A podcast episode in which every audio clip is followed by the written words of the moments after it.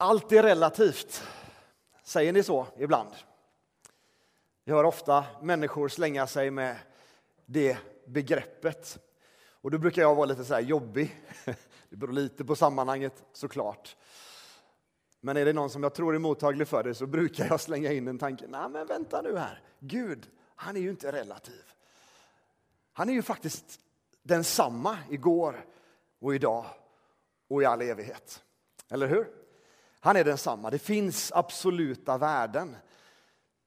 Jag tillhör dem som tror på en absolut sanning. Vi sjöng det här förut i början av gudstjänsten också.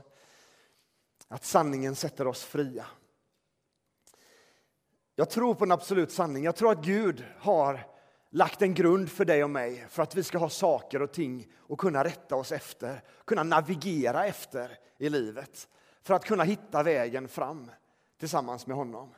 Det är en av de sakerna som är som ett fundament, som en plattform som jag står på i min övertygelse om vem Gud är och vad han vill med våra liv som kristna eller som människor överhuvudtaget.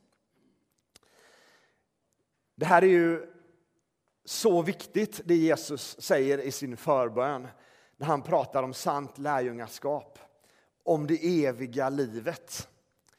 Att vara lärjunge ska ju vara att ha det eviga livet i sig och bära det med sig och leva i det. Och då talar ju Jesus om det eviga livet som att det handlar om en relation till Jesus. Att de känner dig, den enda sanne guden. Att det skulle vara det eviga livet, att ha det eviga livet är att leva i en relation till Gud. Det är primärt det som är grejen, att vi har bjudits in till en personlig relation med universums Herre.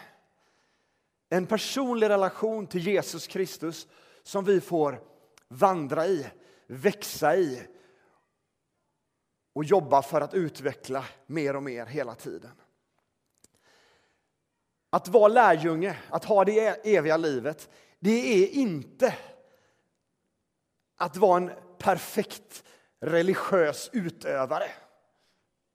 Det är inte det Jesus säger. Utan att ha det eviga livet, det är att känna honom. Kan vi vara överens om det? För annars hade ju vi allihopa blivit diskvalificerade ganska fort. I alla fall jag.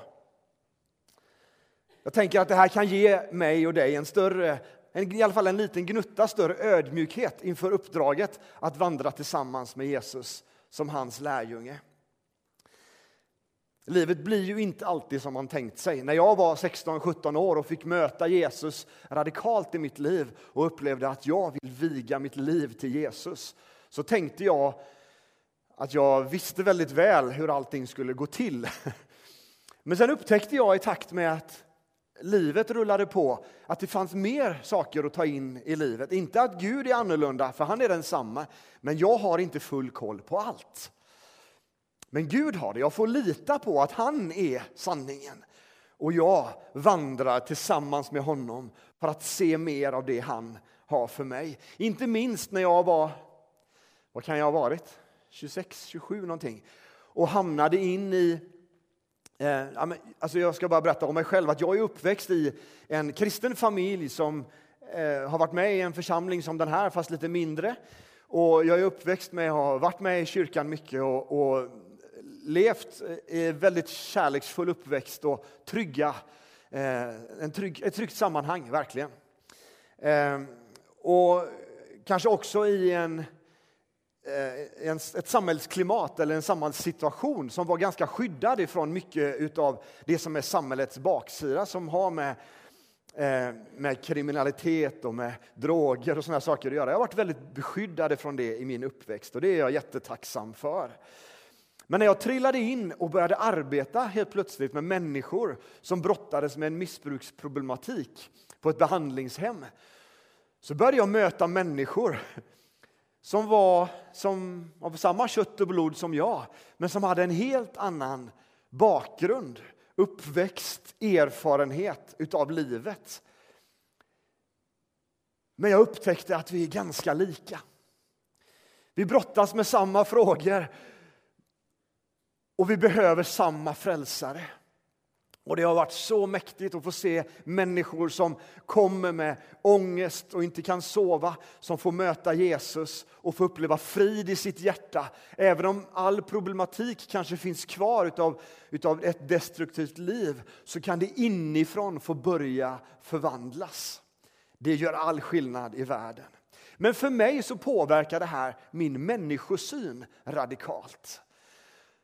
För vi får ju erkänna det, att det är så lätt att man tänker tankar om andra som har misslyckats, där man själv inte har misslyckats, som är nedlåtande, vare sig man vill det eller inte. Så är det så lätt att de tankarna får liksom sippra in i våra liv och i vår människosyn till och med. Vi ska prata lite om det. Vi ska tala några ord om, om Jesus och hur han hanterade det. Men jag ska bara läsa ett ord först till ifrån kapitlet innan Johannes 17. Vilket är det? Åh, oh, kapitel 16. Jag skulle bara säga när jag vaknar. Ja. Då säger Jesus så här. Ursäkta. Ja. Det är bäst att liksom göra en sån reality check och se om folk är med i tankarna. Så vet man inte vad som är innan 17 i siffran så, så kanske man behöver vakna lite. Ja. Det här har jag sagt för att ni ska ha frid i mig. I världen får ni lida, men var inte oroliga, för jag har besegrat världen. Det är inte du och jag som besegrar världen, utan det är Jesus på sitt kors som kommer att besegra världen. Och han säger, var inte oroliga. I världen får ni lida. Ja, det händer saker i livet som är fullt av lidande, jobbiga saker och utmaningar. Men ni kan få ha frid i mig. Ni behöver inte vara oroliga, för segern är min. Är du med? Det här är goda nyheter. Det är definitivt så att evangeliet, det kristna budskapet, det som jag predikar här idag, det är goda nyheter för alla människor. Alla människor. Hör ni? Inte bara för dig och mig, utan för också för de människorna som du ser kanske runt omkring dig i livet så är evangelium goda nyheter, alltid goda nyheter. Det finns en väg in i relationen till universums Herre där han kan tillfredsställa alla våra begär. Där han kan mätta oss så att vi inte vill ha något annat mer än närheten till Jesus Kristus. Är ni med? Jag tror att vi kan ha en stor trygghet, tillförsikt i att stå för Bibelns tidlösa sanningar utan att backa för alla möjliga samtida vindar som blåser utav olika trender i samhället. Samtidigt som vi står fast så behöver vi se hur Jesus bemötte människor. Människor som inte alls hade samma standard som Jesus själv. Det var inte ett uns av dömande i Jesu person. Har ni tänkt på det? Det är så mäktigt när Bibeln beskriver, evangelierna målar upp den ena berättelsen efter den andra där Jesus möter människor som lever syndfulla liv på olika sätt. Och han befriar dem. Han möter dem med kärlek. Han omfamnar dem. Inte bara barnen, utan äktenskapsbryterskan som de fariseerna ville stena. Som de andra ville stena och som lagen sa att hon är dömd. Och då började Jesus påminna människor om både det ena och det andra som kanske fanns i deras liv också. Och så var han ensam kvar med kvinnan. Och så säger han, inte heller jag dömer dig. Gå och synda inte mer. Och så ger han henne ett hopp om att det finns ett liv att leva också för henne i frid, i meningsfullhet, i hoppfullhet. Jesus, han mötte människa efter människa och människorna flockades till honom. Inte främst religiösa människor. Det var ju de som så småningom såg till att han fick lida och dö korsdöden, den döden som vi är så tacksamma för att han var villig att gå in i för vår skull. Utan det var människor av kött och blod som flockades runt Jesus. Människor som själva visste att jag kanske inte har lyckats med allting, jag är till och med misslyckad. De människorna fick komma till Jesus. Det var inte ett uns av dummande i hans person. Och vi måste vara ärliga när vi tittar på kyrkan och kyrkans historia. Att det är inte alltid så vi har bemött människor i församlingarna. Eller? Det är inte alltid det jag har sett i alla fall i de sammanhangen jag har rört mig. Utav det här med Jesu bemötande av människor hos oss kristna. Människor som inte har samma standard som vi säger oss ha moraliskt, eller etiskt eller andligt. Det är så lätt att kyrkan blir en klubb för de som verkar lyckade. Ja, vi vet ju det att det är ingen av oss som är lyckad på alla områden. Men, men vi vill gärna få det till att framstå så, eller hur? Det är få som lägger ut bilder i sociala medier på när de misslyckades med det ena eller det andra, utan ofta så gör man det när man har lagat den där pangmåltiden. Inte när man brände köttbullarna, liksom. den lägger man sällan ut. Ja, det kanske är någon som har gjort det bara för att retas. Det är ju kul i så fall. Men det är så viktigt för oss som kyrka att vi ser att vi är inte en samling människor som bara har lyckats och tänker det, utan vi är människor som behöver relationen till Jesus framför allt. Det eviga livet är att de känner dig och honom som du har sänt, Jesus Kristus. Kristi kropp, kyrkan, hade aldrig varit det den är om inte Jesus hade visat oss det exemplet hur vi kan få bemöta människor som inte är som oss själva. Och Vi kan ju fundera över det. Hur bemöter vi människor i den tid som vi lever i just nu då? Som har andra värderingar än jag har, uppenbarligen. Vågar vi ens möta samtidens vindar eller gör vi vad vi kan liksom för att huka oss? Vi går en omväg eller vi, vi duckar för det samtalet och så pratar vi om något annat. Hur ska vi bete oss? Det här är inga lätta frågor. Men vad var det vi läste precis i Johannes 16? Det är han som har segrat. Vi behöver inte vara oroliga. Han vill ge oss sin frid och vi kan få stå fast i det som är det som Gud har lagt ner i våra liv. En del saker i vårt moderna samhälle är givetvis inte bara förvirring, utan det är också upplysning. En del saker behöver vi inse att det här är viktiga saker som har med människors lika värde och mänskliga rätter och sånt där, rättigheter att göra. Och sånt där. Men mycket är ju också förvirring. Det får vi vara ärliga och inse. Jag har ju haft förmånen att få jobba ett antal år i skolan. Samtidigt som vi planterade kyrkan i Partille så trillade jag in på att ha en bisyssla på ja, och jobba på skolan. Eh, och det var jättespännande att få gå om grundskolan igen, för jag var resurs och följde lite elever där från fyran upp till nian. Men det satte mig också i massa samtal som pastor, för jag höll ju fortfarande på med det jag gör och jag är den jag är även när jag är i skolan. Så hamnade jag i många samtal med människor.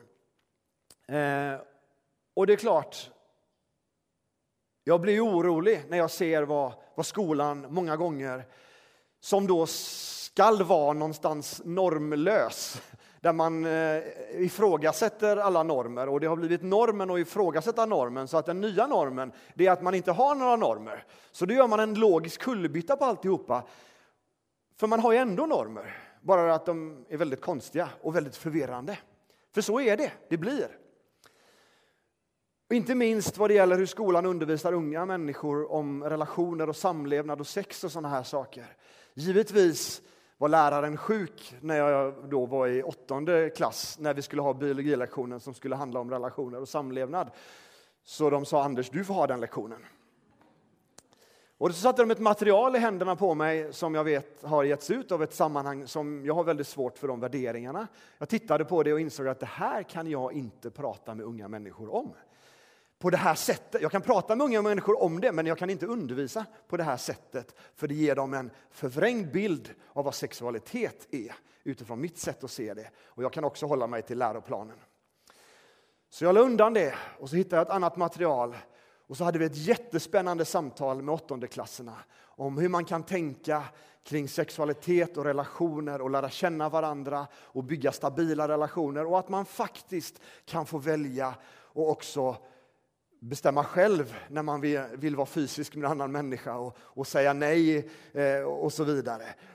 Och det blev ett jättebra samtal. Många människor i klassen tackade mig för att man kunde prata om det på det sättet. Och jag inser att det är precis det här unga människor behöver. Vi behöver se att man kan förhålla sig till sexualitet, till relationer på ett sätt som är hållbart. För jag tror inte att det är hållbart att upplösa alla normer. Är det någon som jobbar i byggbranschen? Har vi någon här? Ja, vad, vad, vad, tror ni skulle sägas om man helt plötsligt kom och så var det olika dimensioner på alla kablar eller på alla fästen, alla skruvar, hade liksom egna lösningar på alltihopa. Om det inte fanns en viss standard som man kunde falla in i. Det hade varit totalt kaos på marknaden. Ja, I vissa branscher är det lite grann så att det är liksom olika standarder, men då finns det kanske ofta ett par, tre olika att välja på. Jag tror att vi behöver standarder. Vi behöver någonting som skapar trygghet och system för att vi ska kunna navigera i livet. Och jag tror att unga människor också behöver det.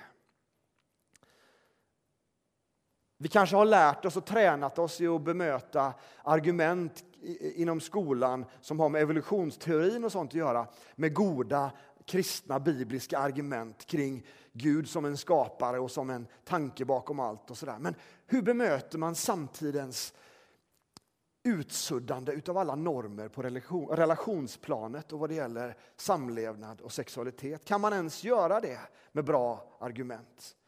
Ja, jag tror faktiskt det går att göra det. Jag tror det är ohållbart att säga till unga människor att du får ha en intim relation med vem du vill, bara du skyddar dig. Jag tror inte det är hållbart att säga så. Jag tror att det är skadligt för vårt samhälle. Jag tror att det är mer hållbart att prata om relationer och hur man bygger stabila relationer och hur man skapar relationer som håller länge. Och hur man är trogen i dem.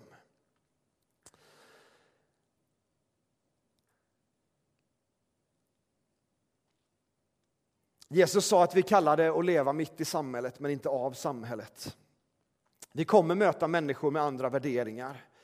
Till och med människor med en helt annan agenda vad det gäller sexualitet och relationer. Vi ska prata om det här på två olika sätt, lite kort. Jag ska inte göra det här jättelångt idag, men jag vill ändå beröra det eftersom det här samtalet är aktuellt. Vi kommer möta människor som har värderingar som är helt annorlunda än de som du har. Och Vi kommer också möta människor som brottas med sin läggning. Och Det är lite olika saker, det där. Jag tror att vi behöver se vad det är Jesus säger om lärjungaskapet. Att vi kan få möta honom och leva i en tillfredsställande relation med Jesus. Och det där är större än någonting annat.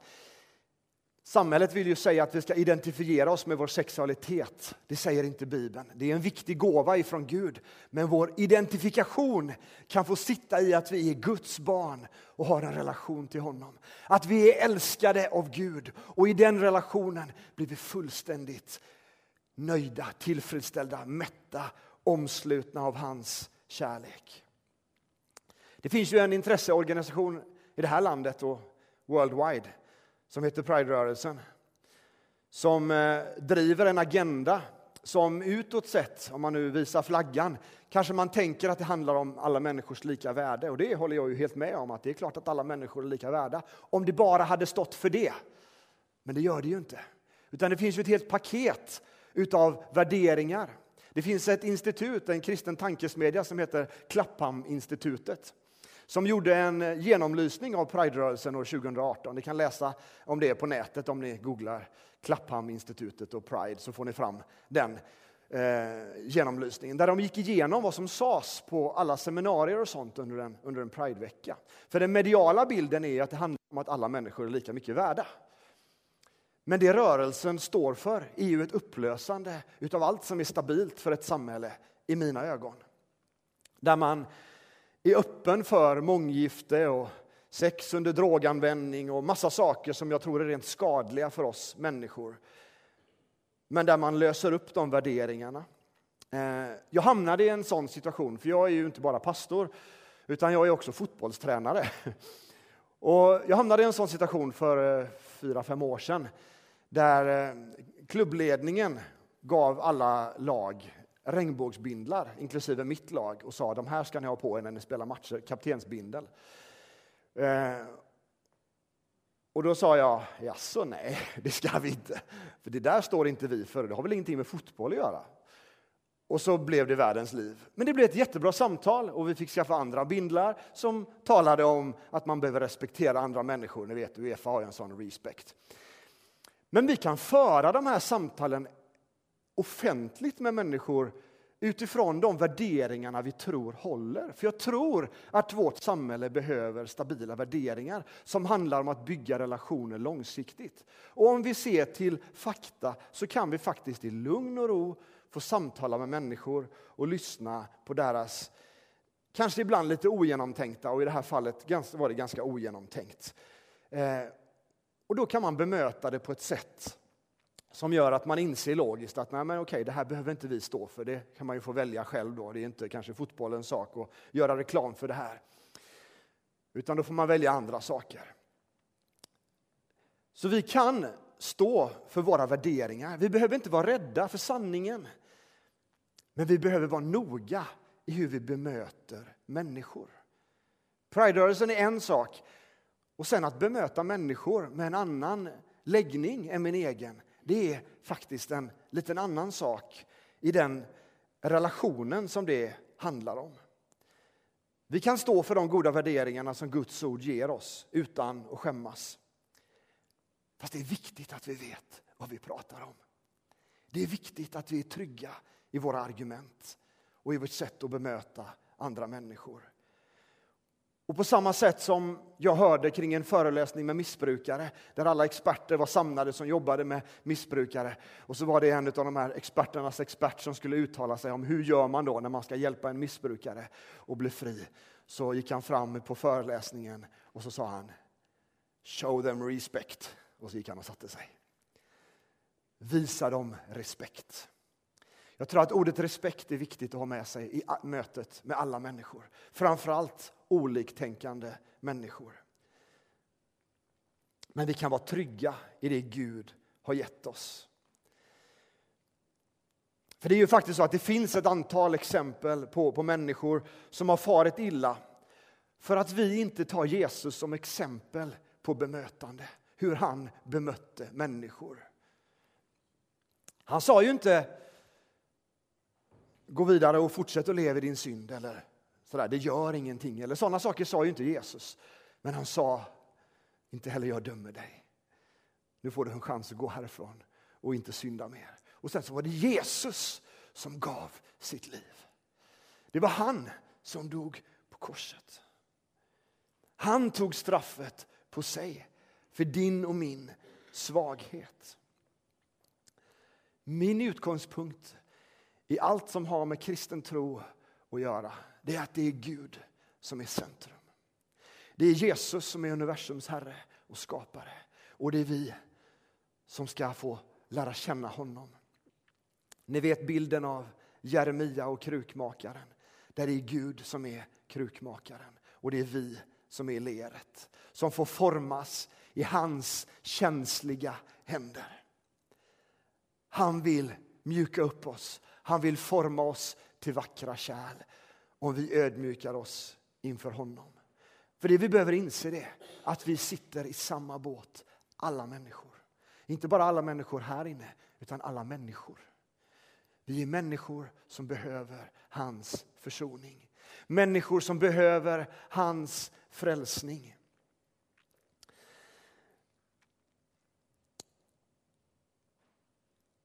Paulus han skriver ju några stycken till församlingar kring hur man eh, behöver leva sitt liv för att behaga Gud och för att tjäna honom. Och vi har ju kanske det tydligaste exemplet där han pratar om svagheter, synder, även sexuella synder, om att eh, människor lever i samkönade relationer och lever ut det. Eh, och i samma vända talar han om girighet och ondska Och så säger han i Romarbrevets fortsättning efter att han har räknat upp de här sakerna där han säger att Gud i sin allmakt, liksom, han har visat oss vem han är. Det är så Romarbrevet 1 målas upp. Att Gud av naturen har visat i sin skapelse vem han är. Och så fortsätter han i Romarbrevets andra kapitel. Om vi kommer den texten upp här tror jag. Så säger han så här, eftersom det är så, därför finns det inget försvar för dig som dömer. Vem Därför är du utan ursäkt, du människa. Nu är det här Bibel 2000 och jag läser ur folkbibeln här. Eh, men innebörden är ju densamma. Jag läser folkbibelns text. Därför är du utan ursäkt, du människa, vem du än är som dömer. När du dömer en annan fördömer du dig själv eftersom du, dömer, eftersom du som dömer handlar på samma sätt. Vi vet att Guds dom med rätta drabbar dem som handlar så. Men menar du att du ska komma undan Guds dom, du människa som dömer dem som handlar så och själv gör samma sak? Eller föraktar du hans rika godhet, mildhet och tålamod? Förstår du inte att Guds godhet vill föra dig till omvändelse? Guds godhet vill föra dig och mig till omvändelse. Guds godhet vill föra oss till omvändelse. Vi är inte satta att vara domare. Vi är satta att vara barmhärtiga så som han är barmhärtig. Vi är satta att visa människor på en väg till att lära känna Jesus och att leva liv tillsammans med honom i överlåtelse och helgelse. Guds ord är tydligt och man får anstränga sig ganska mycket och använda väldigt svaga argument i min mening om man ska plocka bort texterna som handlar om problematiken med att leva i synd även på det sexuella planet. Vi sitter i samma båt allihopa. En del synder syns ju mer och en del synder syns ju mindre. Men det är viktigt för dig och mig som kyrka med vårt sätt att se på varandra och vår människosyn. Vi är inte satta till att döma. Vi är satta till att älska människor och visa på en väg av försoning fram tillsammans med honom.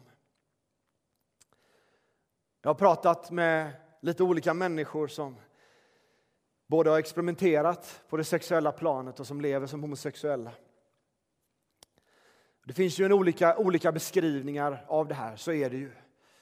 En del beskriver det som att jag har hamnat i ett missbruk, för så är det, den starka driften. Och en del trillar in i det för att de experimenterar på olika sätt. Men en del har den läggningen och beskriver det utifrån sin egen synpunkt, utifrån att det är en del av den fallna naturen. Det är sån Gud har skapat mig. Jag lyssnade på en kille här för inte så länge sedan som beskriver att han erkänner att han har den här läggningen. Men han ser ju också vad ordet säger och därför gör han sina val och han har upptäckt vilken otrolig nåd det finns hos Gud. Att få leva och bli fullt bekräftad av Gud. Så älskad av honom så att han har gjort sina val att leva ett helgat liv i överlåtelse och celibat och Det finns en rörelse av människor som jobbar med de här sakerna. Och Jag tror att vi som kyrka vi behöver vara barmhärtiga i vårt möte med människor. För vi lever ju i ett samhälle där de här frågorna finns på bordet. Det är inga huvudfrågor, men det är viktiga frågor. För det handlar om hur vi som kyrka bemöter människor som ofta känner sig marginaliserade. Och det gäller många olika områden i livet. Och vi behöver vara barmhärtiga. För det är ju ingen som kan säga att frestelsen i sig är en synd. Det är ju när den levs ut på olika sätt som vi syndar mot det Gud har tänkt och det Gud har sagt. Det var någon som frågade mig, ja, men vad är då synden? Ja, men det är klart, vi har ju budet som Jesus också stärker när han pratar om eh, det nya förbundet.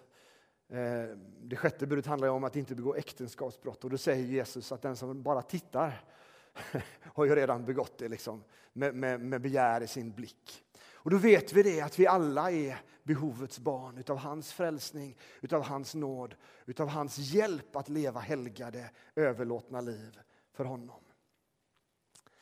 Vi ska landa ner det här och vi får säkert anledning att fortsätta och, eh, och, och, och eh, prata kring sådana här saker. Men jag vill landa ner det här i Matteus 23 där Jesus säger så här. Vers 12. Var och en som upphöjer sig ska bli förödmjukad, men var och en som ödmjukar sig ska bli upphöjd.